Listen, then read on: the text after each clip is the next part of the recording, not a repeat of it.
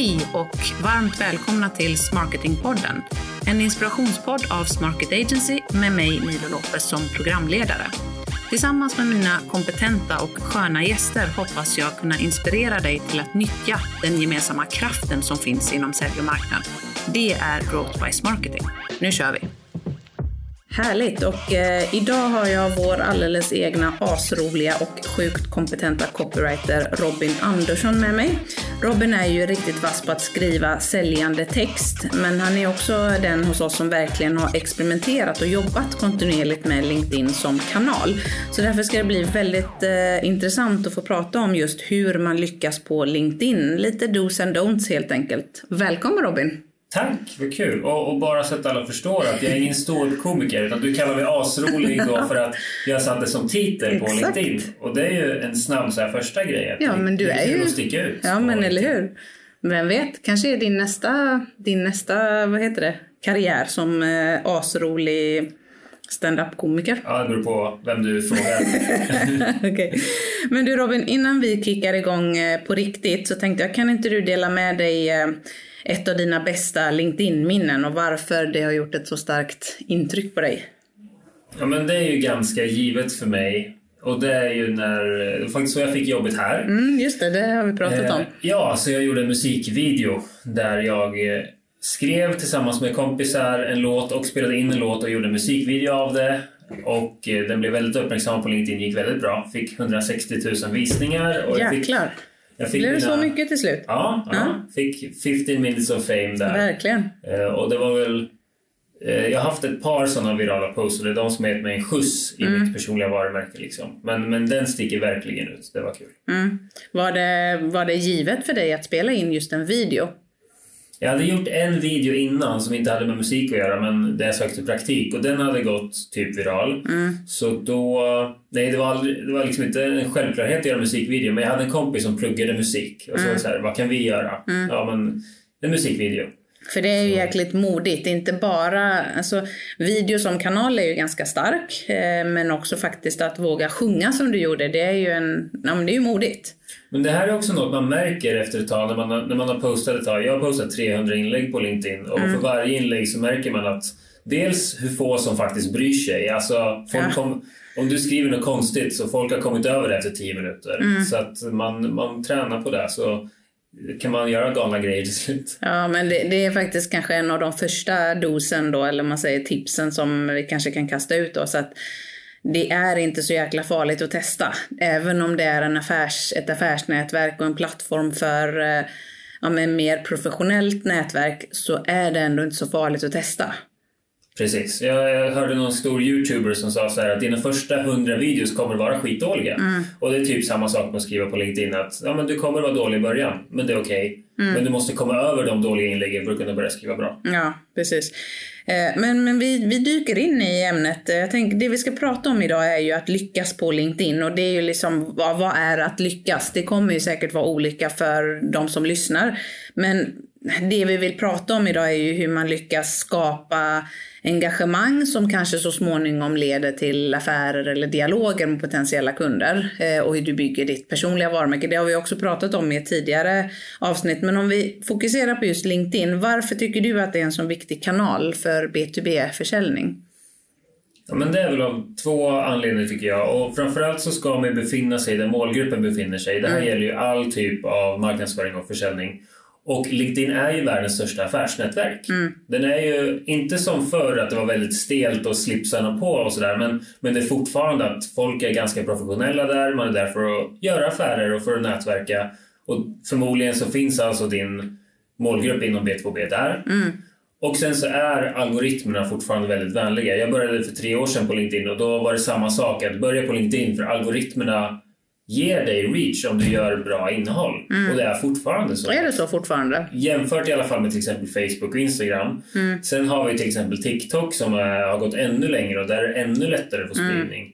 Mm. Eh, beroende på hur man ser spridning. Men LinkedIn är jättefördelaktigt där. Mm. Och ja, jag håller med dig. Dels för att, eh, som du säger, att målgruppen till största, alltså ja, i största sannolikhet så har du din målgrupp på LinkedIn på ett eller annat sätt. Men jag tror ändå att det är viktigt att säga ja, det är en viktig kanal att finnas eh, om du jobbar med B2B-försäljning. Men det är också, man kanske inte måste sätta likhetstecken med B2B-marknadsföring, B2B-försäljning och LinkedIn. För som du var inne på, det finns ju andra kanaler som har växt jättestarkt. Där till exempel, tro det eller ej, men TikTok är en sån kanal för just B2B-försäljning också. Absolut, och så gäller det i vilket läge vill man möta sin målgrupp? Mm. Om du är på LinkedIn, ja då är det förmodligen arbetstid på vardagar. Så mm. de befinner sig där och de är lite i ett professionellt mode. Ja.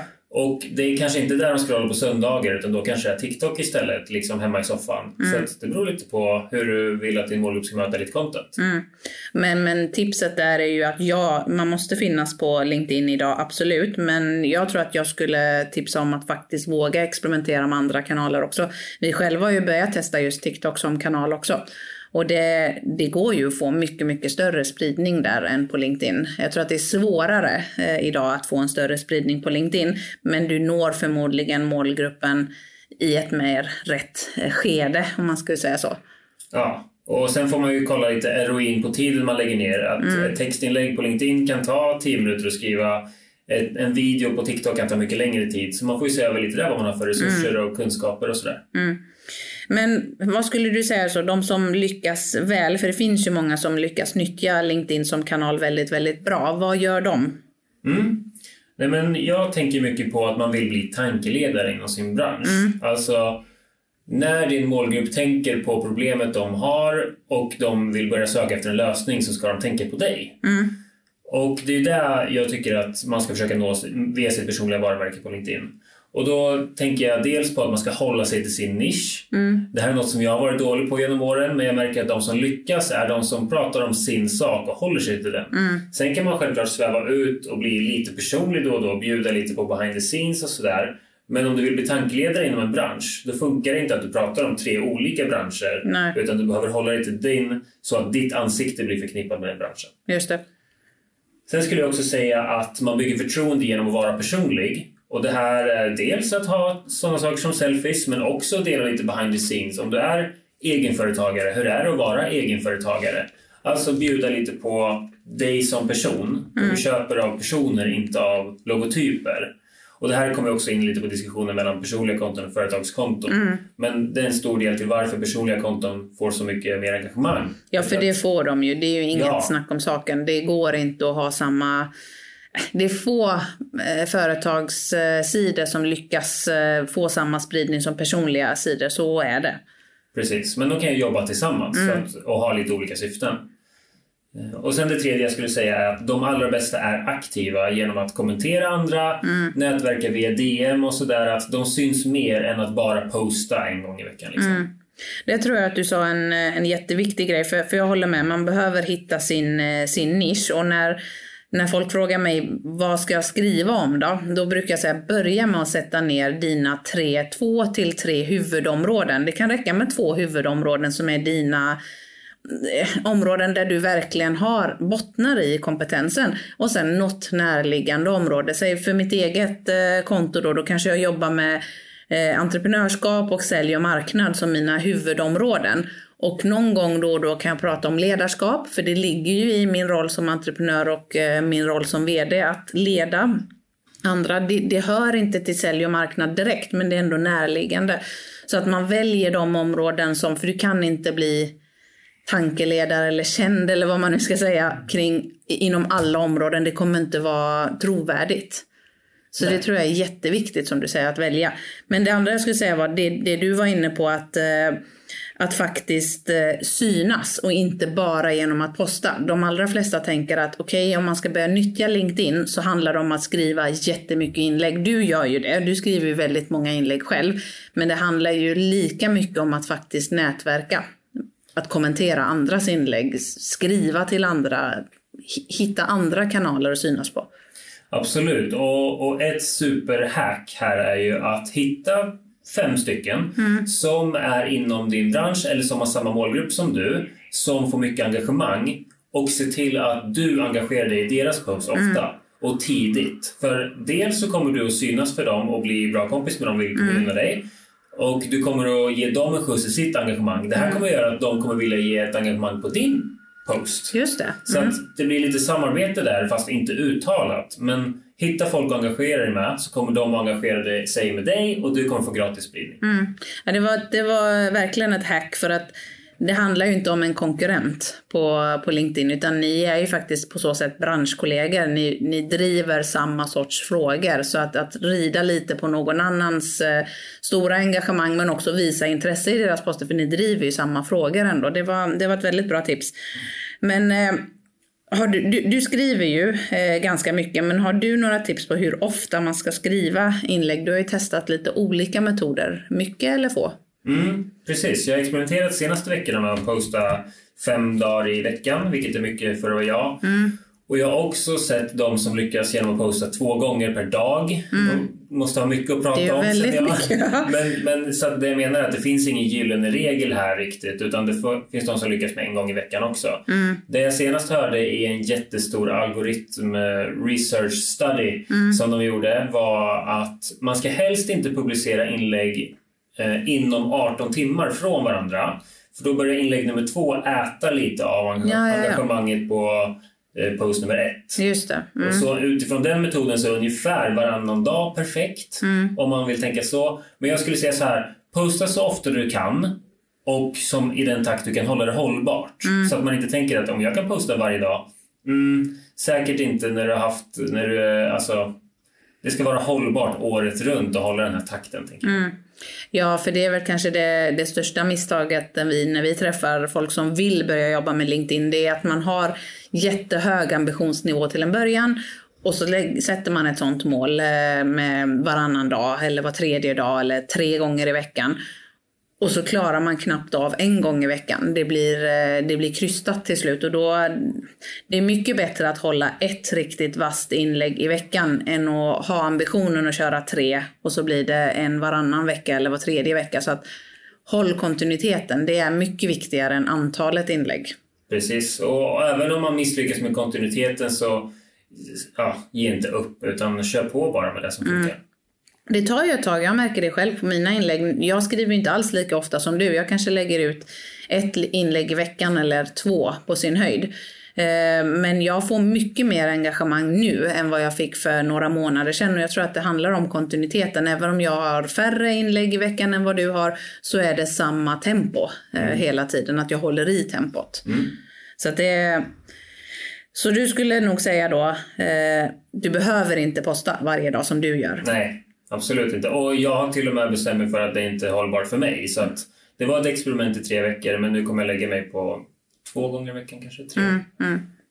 Jag tror att det är jätte, jätteviktigt att hitta det tempot som, eh, som funkar för dig. Mm. Men jag brukar också säga att förutom inläggen då, så säg att du som lyssnar nu bestämmer dig för att ja, men ett eller två inlägg i veckan, det kan jag hålla kontinuerligt. Kör på det. Men lägg också kanske 15 minuter blockad tid i veckan till att faktiskt scrolla runt på LinkedIn och titta på, som du var inne på, andra personer i din bransch. Kan jag hitta andra inlägg att kommentera, likea, dela? För det kommer också att öka ditt eget engagemang och eh, din eh, social selling index om man nu är ute efter det. Men att man kan nyttja kanalen bättre. Verkligen. Så det, och lägg in det i kalendern. Det är nog det bästa tipset. Det kommer inte ske av sig själv. Men om vi ska gå in på, förutom antalet inlägg så är det ju också vissa typer av inlägg. Det här har du också testat. Har du, har du förslag på olika typer av inlägg som funkar bättre än andra? Mm, men absolut. Och eh, dels kan man ju prata om ifall text, bild, video och sånt där funkar mm. bra. Där såg jag den här algoritmstudien eh, som vi säkert kan länka till i vår eh, description här nere. Mm. Eh, att dokumentinlägg, alltså pdf-er som man kan scrolla igenom som en karusell, de ger jättehögt engagemang nu för tiden. Och jag är för dålig på att göra sådana här, men det är ju jättelätt att göra en liten pdf med 5-10 slides och lägga ut och se. Man kan ha samma... De ger bra, sa De är jättebra mm. reach just nu. Så att, eh, när vi pratar format mm. så är ett tips att testa dem. Men när det gäller typer av inlägg innehållsmässigt så eh, skulle jag säga till exempel steg för steg, guida mm. någon igenom hur man löser ett problem. Listor, det här ser vi i artiklar också, mm. sju sätt hur du bla bla bla. Listor funkar mm. alltid. Eh, relaterbara stories, berätta om någonting som hänt i ditt företagande eller till och med i ditt personliga liv om det passar in men där man kan relatera. För Folk vill verkligen relatera-gilla. Det, det är tydligt. Det är ju trots allt ett socialt nätverk, det får Exakt. vi ju inte glömma. Mm. Absolut. Eh, Man kan berätta om någonting som funkade för en själv. För det kan vara en personligare anknytning till hur man löser problemet kan vara mer engagerande. Att hur jag löser någonting snarare än att jag bara säger så här kan du lösa problemet. Så berätta hur du använt ett verktyg som funkade för dig eller någon lösning på något problem. Eh, Eller också dela någon stark framgång eller ett starkt misslyckande. Det är så lite relaterbara stories. Att folk vill Verkligen. höra liksom saker som händer i livet som de kan knyta an till. Ja, och det, det hänger ju ihop med det du sa att eh, man köper av människor och man, det här att, att kunna relatera till ett problem och en utmaning, det tror jag är jätte, jätteviktigt. Precis. Eh, Men om jag ska ta företagsperspektivet på det också då, för jag tror att det är jätte, jätteviktigt att man inte att man är genuin när man skriver ur sitt eget, eh, med sitt eget namn. Och det är egentligen samma sak när det gäller för företag. För den, den trenden vi ser, vilka typer av inlägg som faktiskt går bra för företagskonton, så är det varumärkesbyggande, alltså branding content. Det går eh, ja, trend vet jag inte om man ska kalla det, för det har väl alltid varit inne att, att bygga varumärken genom sociala kanaler. Men det är verkligen eh, både ett starkt sätt att bygga varumärket långsiktigt, men det är också ett verktyg för att få dina leadsgenererande kampanjer att prestera bättre. Eh, har man sett. Och när vi pratar branding content, vad tänker du på då? Vad skulle företag kunna lägga ut som ger starkt var, starkare varumärkeskännedom? Liksom? Ja, men dels så tror jag att man kan prata om sitt varför. Varför gör man det man gör? Det här, eh, vad heter han, Simon Sinek, jag, jag älskar ju honom och jag tror ju verkligen stenhårt på det här People don't buy what you do, they buy why you do it. Så att, att berätta om varför vi gör det vi gör och på vilket sätt gör vi världen bättre. Och återigen hitta sättet att eh, få målgruppen att relatera till eh, Precis. ditt varför. Det tror jag är jätteviktigt. Case är också ett sätt att bygga varumärke på vilket sätt vi förändrade vardagen för en annan kund som satt i en liknande situation. Det är också varumärkesbyggande. Eh, sen så tror jag de här lite mer övergripande frågorna som inte handlar om dina produkter och tjänster, inga functions and features alls, utan mer om utmaningen, problemet bakom är ju också varumärkesbyggande. Så de, de, det content ser vi, det går väldigt, väldigt bra. För de, och de bolag som gör det bra, de får till och med fem sex gånger bättre konvertering på sina leadsgenererande annonser sen. Så att eh. Dubbelt... eh, Allting hänger ihop. Allting hänger ihop, absolut. Sen så skulle jag också säga, när det gäller just företagskonton, så får vi inte glömma att idag så, i alla fall i komplex B2B-försäljning så säljer vi inte one-to-one utan vi har ju oftast flera stycken i beslutsprocessen. Vad är det man säger? Fem, sex, ibland upp mot 6,57 personer som är involverade i beslutet. Så att man hittar innehåll som faktiskt matchar mot alla de här personerna. Det är också viktigt att tänka på för företagskontot. Mm, just det. Men har du något facit då Robin på, eller till det perfekta inlägget? Finns kunna, det? Ja, men alltså egentligen eh, finns det väl någon form av grund som, eh, som man ska hålla sig till. Men sen finns det såklart outliers, alltså du kan berätta en story på hundra olika sätt. Och jag skulle kunna diskutera innehåll.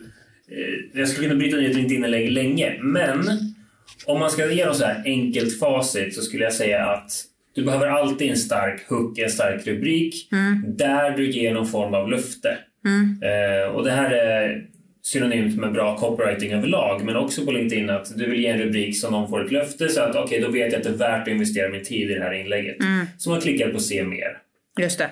Och då är eh, huvuddelen av inlägget, där ska du helt enkelt leverera på löftet. Har du lovat att berätta om hur du gick ner 15 kilo kroppsfett på sex månader, ja men då berättar de hur det gick till i det här köttet. Eller hur man säljer mer med de här tre verktygen, ja men då berättar de de tre verktygen i köttet. Och sen i slutdelen så har du en CTA som uppmanar till engagemang. Och oftast så är det en fråga. Hur, vad använder du för verktyg? Eller hur ser du på det här? Eller liknande. Någonting som uppmanar folk till att kommentera. Eftersom det här är det sista de läser innan de kommer till kommentarerna. Men i och för sig så har jag experimenterat med att lägga till ett PS i mina inlägg. Jag såg det här från en amerikansk copywriter tror jag som jag tror heter Matt Barker, som är jätteduktig. Han har ett PS i slutet på sina inlägg som inte behöver ha någonting att göra med själva inlägget. okay. Jag tyckte det här var jättespännande. Ja. Så jag har testat det och det har faktiskt ökat mitt engagemang. Så det kan handla om att jag ger ett tips på hur du skriver bättre i en LinkedIn-inlägg till mm. exempel. Men sen tror jag ett PS där jag berättar om att jag spelade ett brädspel i helgen och frågar om tips på brädspel. Då kan ju de som bryr sig om huvudinlägget kommentera det och behandla det som ett vanligt inlägg. Mm. Men de som kanske läste det och tyckte om det men inte har någon åsikt, men de ser att jag spelar brädspel i helgen, mm. då kan de kommentera om det. Mm. Så det blir som ett sidospår i kommentarerna. Det höjer mitt engagemang och det, blir, det har faktiskt blivit roligare att skriva inläggen för mm. man kan få in något personligt där. Ja, det, det förstår jag verkligen och det, det gör ju att man till exempel skulle kunna baka in humor i inlägget utan att för den saken skulle vara humoristisk i själva det professionella inlägget om man skulle... Så att det, ja, det är jätteintressant. Men jag vet ju att många är rädda för just att ställa den här frågan. Hur gör du eller vilket verktyg använder du? För många tänker, tänk om man inte får någon kommentar. Ja, precis. Att ställa en fråga och så får man inget engagemang. Visst, man...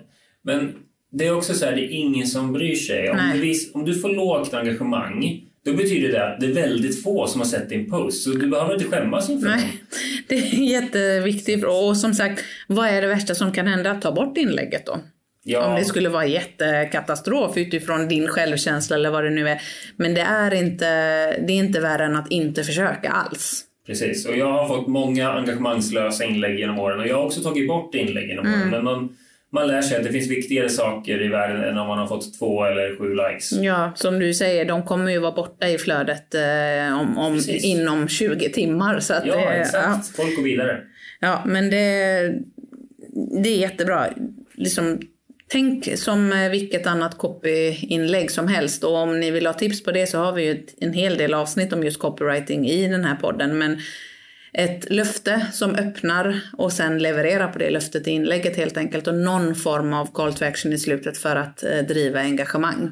Yes, och sen, sen pratar man ju ibland om hashtags och ja. jag tycker folk pratar väldigt mycket om hashtags och lägger mycket fokus där. Mm. Jag gör inte det. Utan den... Använder du dig av det? Hur tänker du kring hashtags då? Ja, jag, an jag använder två mm. för att det känns bra. Och det är mm. oftast personligt varumärke och copywriting mm. och kanske slänga in LinkedIn där.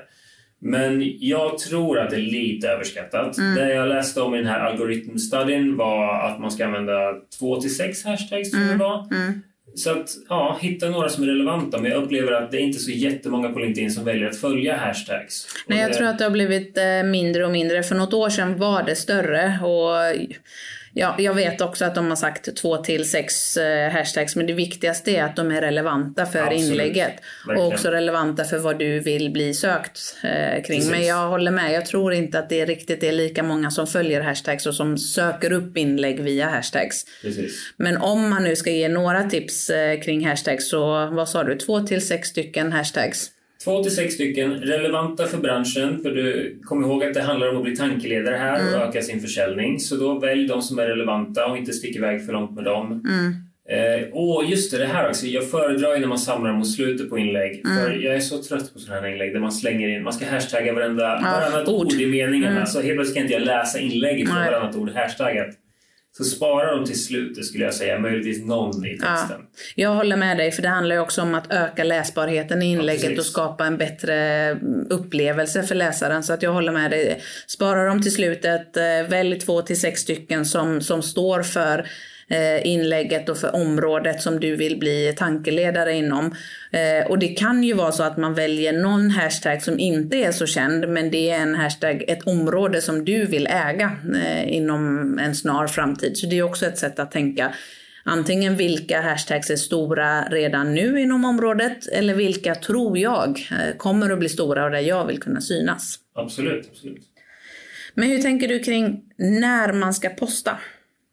Alltså tidpunkt. Ja, och här skulle jag säga att så fort du hör någon säga att det finns en perfekt tid, mm. så då kommer en red flag från mig. Då ljuger de. Ja, men liksom det finns ingen perfekt tid som passar för alla, utan här gäller det verkligen att testa sig fram. Mm. Jag till exempel och, och, man märker det här genom att posta ofta eller mm. testa olika saker. Jag som har postat så mycket jag har märkt till exempel på sistone att okej, okay, min målgrupp är morgontrött på måndagar. Har jag märkt på sistone. Det var inte för ett år sedan. Jag vet inte vad som har hänt. Men mm. eh, de är morgontrötta på måndagen så det är ganska lågt engagemang. Sen märker jag att på fredagar, lördagar och söndagar då är man i ett annat mode än vad man är måndag till torsdag. Måndag till torsdag, då är man professionell, man vill få saker gjorda, man är produktiv, man vill få tips och så vidare. Fredag, lördag, söndag, då är man i ett annat mode, så då funkar en annan typ av innehåll. Men det här hade inte jag märkt om inte jag hade testat. Nej. Och sen när det gäller när på dagen man ska posta. Jag försöker tänka lite, vad gör människor på den här tiden? Så till exempel klockan 10 på förmiddagar funkar jättedåligt. För då har alla kommit igång med jobbet, de sitter i något möte. Däremot innan jobbet, på lunchen eller precis efter jobbet upplever jag lite högre engagemang. Men testa, för din målgrupp är säkert annorlunda. Mm. Jag har upplevt exakt samma sak. Jag har testat lite olika. Jag har både testat runt lunch och eh, eftermiddagar. För jag håller med, det är ju de klassiska tiderna man säger. På morgonen, vid lunch eller eftermiddag. För mig funkar inte lunch och eftermiddag lika bra. Utan det är ganska tidigt på morgonen som det funkar absolut bäst. eh, För mina inlägg. Men precis som du säger, det märker man först när man testar eh, olika tider. Men generellt sett så funkar ju tidiga månader bättre. Precis, och det, jag har sett vissa som lyckas genom att posta klockan sex på morgonen och det är lite tidigt för min målgrupp tror jag. Men som sagt, om du har en målgrupp där du har tio stycken engagerade följare som, som brukar kommentera direkt när du postar så tidigt, då kan det funka jättebra. Du får snabbt engagemang. liksom. För det är fortfarande så, eller? Att eh, stort engagemang i början, det sprider ännu mer. Ja, absolut. Det, det stämmer fortfarande. Och jag tror att de sa i den här algoritmstudien att första 90 minuterna vill du både få mycket engagemang på din post och så vill du svara på alla kommentarer för att kunna bygga på det här ytterligare. Men snabbt engagemang på sin post är fortfarande jätteviktigt. Vilket kan vara stressigt tyvärr, för då tittar man efter 20 minuter och så Så blir kan man det vara ganska avgörande redan där. Men man lär sig till slut vad som funkar och inte. Finns det saker som är negativt för eh, reachen i början av ett inlägg? Ja, eh, jag såg siffror också från den här algoritmstudien. Jag, som sagt, titta gärna i den här, den är väldigt köttig och sådär. Men, men något intressant som jag hittade var att du vill inte redigera din post under de första 10 minuterna. För då går din reach ner 10-40%. Oj, det är ganska mycket ändå. Det är högt och det har väl någonting att göra med att om du får högt engagemang på någonting så redigerar du det. Då kan det se skevt ut. Att vad är det egentligen som har fått engagemang? Var det innan eller efter redigeringen? Ehm, Men sen såg jag också att man inte ska vara den första att kommentera sin egen post. Så kan vi kanske någon gång sluta med det här länk i kommentarerna och lägga en egen länk. För det är ju så tråkigt att behöva kolla i kommentarerna efter den. Ja. Och uppenbarligen så sänks reachen av det också. Ja, det också. ja. Mm. Eh, så- Och det är ju sånt där som är, den här länk i kommentarerna är ju ett fenomen som har kommit till för att just rida på att algoritmerna är sämre om du länkar utifrån LinkedIn. då Precis, vill man få länken och lägga dem i kommentaren, men då har man ju kommit åt det då genom att det sänker eh, reachen istället då. Så att redigera inte alldeles i början av eh, när inlägget väl är publicerat. Och var inte den första som kommenterar eh, din egen post men se gärna till att andra engagerar sig i inlägget eller egentligen, du är ju lite anti det, men egentligen skriv ett så bra inlägg som möjligt så att din målgrupp engagerar sig snabbt. Ja, absolut. Och sen man kan ju så här, man kan uppmana sina följare att trycka på den här klockan på sin profil till exempel. För om man trycker på klockan på någon profil så får man en notifikation när den postar. Just så det, det. som många gör är att avsluta sin inlägg med att säga gå in på min profil och tryck på klockan så får du se när jag postar. Just det. Det är ett jättesmart sätt för att bygga snabbt engagemang. Så, Mm.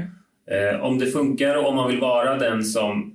Jag kan tycka det är lite pushigt att be om det i varje inlägg, men vissa lyckas jättebra med det. Mm, Så- Exakt. Ja, do whatever works for you liksom. Yes.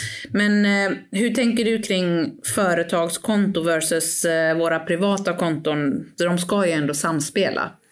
Absolut, de- ska samspela. Och, eh, det viktigaste jag tycker är väl att inte bara se så här att företaget skrev en bra post, jag trycker på dela och sen är det bra. Dels så ger det lågt engagemang och sen så har ju du en chans med ditt ansikte, med ditt personliga konto att addera någonting här. Så istället för att dela ett inlägg från företaget så tycker jag att man ska skriva ett eget inlägg men där man kan tagga företaget. Och sen kan man ha en ny åsikt eller en tillhörande åsikt eh, som helt enkelt då kommer med all största säkerhet få högre engagemang. Eh, även om man ibland måste dela kanske stora nyheter eller något superinlägg eller sådär. Men Men, Men gör, ja, men gör det då i så fall med din egen kommentar eller din egen reflektion kring. För Ja, jag, addera någonting. Liksom. Ja, nej men jag håller med dig. Jag är väldigt allergisk mot de här när man bara sprider företagets eh, inlägg rakt av. Det, det tror jag inte ens ger någonting. Nej, precis. Så att det, men jag håller med dig, de måste samspela. Men man kan ju samtidigt inte, man får inte glömma att LinkedIn är ändå en privat kanal. Alltså det är ju ditt privata LinkedIn-konto. Som, så att som företagare kan man ju inte tvinga sina anställda att dela eller engagera sig i inläggen. Men förhoppningsvis om du har så pass bra och intressanta inlägg, då kanske det, det driver ett intresse från medarbetarna att faktiskt reflektera kring inläggen, eh, lägga till en egen kommentar, en egen tanke och dela det. Men, eh, men det är ju inget som man kan tvinga eh, till att göra. Men Nej, och sen det är ju, vet du, många företag, och, och vi gör så ibland, att man ber de anställda att gilla och kommentera. Mm. Ja. Och det är så här, ja, jag, jag tror inte det funkar så bra. Nej. För alltid när man ser de som har 10 likes varav 10 medarbetare, ja, men då är det ju ingen mer like av Nej. en anledning, att inlägget Mm. kanske inte var så bra. Och jag tror till och med jag hört att det kan sänka reachen om det är så här att Smarkit la upp någonting, men de enda som kommenterar och gillar är Smarkit. de egna, ja. Det, det tror jag absolut också. sådana. Nej, det tror inte jag heller. Utan det handlar mer om att hitta ett bra sätt att, att låta företagskonton och privata konton samspela. Men, men det enda sättet att göra det på det är att tänka på målgruppen. Eh, att, att skriva inlägg, för, för förmodligen är ju de som är anställda i ditt bolag, de har ju förmodligen ett nätverk som är relevant för ditt bolag, för de jobbar ju med det som ni faktiskt erbjuder. Så genom att vara relevant för målgruppen så kommer du också att kunna använda dina anställdas nätverk. För självklart är det så att ju fler anställda som an- engagerar sig och som använder sig av bolagets eh, inlägg, desto mer reach kommer vi att få. Så är det ju, men, men det enda sättet att, att nå det, det är ju att faktiskt tänka på målgruppen och skriva för målgruppen. Mm, absolut, men, men våga gärna, så här, som, du är lite, som du är inne på, att ha bilder på anställda. Visa att det finns anställda på företaget och att det kan bli ett samspel mellan att om det, den anställda skriver via sitt personliga konto och företaget ibland postar en bild på den personen för att den är anställd på företaget. Då börjar man se den här helhetsbilden. Ja. Att det här är företaget, det här är de anställda och det blir som att all, allting kan jobba tillsammans. Verkligen. Det personliga går eh, jättemycket bättre, det märker ju vi. Ja, men precis. Absolut. Man vill se ansikten på människor, man vill se att det är människor bakom logotyperna. Ja, och så. ja, exakt.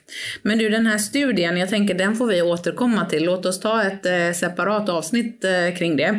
Men innan eh, vi avrundar det här avsnittet, kan du ge oss dina tre diamanter, dina tre bästa tips för att lyckas på LinkedIn? Mm, absolut. Jag skulle säga att det viktigaste till att börja med är att vara genuin. Och med det menar jag att man ska inte forcera någonting som inte känns helt som du. Det här misstaget jag har gjort tidigare, att man skriver någonting som ser bra ut, som låter bra. Men det måste komma från dig och det får inte kännas forcerat från företaget heller. Nej. För då kommer det inte bli hållbart och det kommer inte bli kul framförallt. Nej. Så var genuin i ditt skapande. Eh, Det andra diamanten jag skulle säga är att justera ditt flöde så att det blir inspirerande. För du, det är många som klagar på att det känns stelt på LinkedIn eller det känns si eller så. Ja. Men du kan ju justera ditt flöde. Jag har till exempel blockat, eller tagit bort, jag kommer inte ihåg vad det heter, 10 till 15 personer som är så här, jag vill inte se de här i mitt flöde för de gör inte min dag bättre. Och då slipper jag se dem och det känns så mycket bättre. Och engagera dig i dem som du vill se mer av i ditt flöde så kommer LinkedIn-algoritmen att fixa det åt dig. Så se till att du har ett flöde som du faktiskt vill ta del av. Mm. Och det tredje är, som vi lite som vi varit inne på, men bilder på en själv är riktigt bra. Och då handlar det inte nödvändigtvis om att trycka in en selfie i varje inlägg. Men åtminstone ha en bild på dig själv någon gång då och då. Så att man har ett ansikte att koppla till kontot. Så att det inte bara blir en anonym person bakom de här inläggen. Utan våga bjuda på en bild på dig själv. Kanske åtminstone i var femte inlägg. Mm. Ja, jättebra tips, jag håller med. Att, att vå- våga vara personlig eh, utan att vara privat för den delen, det behöver man inte vara, men att vara personlig det tror jag är jätte, jätteviktigt. Mm, absolut. Relaterbarheten ökar ju då Ja, faktiskt. exakt, exakt. Snyggt! Tack för eh, dina fantastiska tips, men du vet ju att jag inte tänker släppa dig riktigt än. Mm, det är så. Utan, det är så exakt. Nu ska du få dina tre snabba. Du har ju varit med i podden några gånger så att därför fick jag Ja. he- hitta nya tre snabba till dig. Ja, jag levererar bra på den här skulle jag säga. Ja, det, det tycker bra. jag, det tycker jag ändå. Okej Robin, är du med då? Ja. Nu har ju du rest till båda de här länderna, så välj Spanien eller Italien. Italien. Och Spanien, Ja. spontant. Ja, Ja. ja. ja. det får man. Man får välja Det det. var Barcelona. Ja, Alltså, det var det, ja, det förstår jag. Det är ju himla härligt.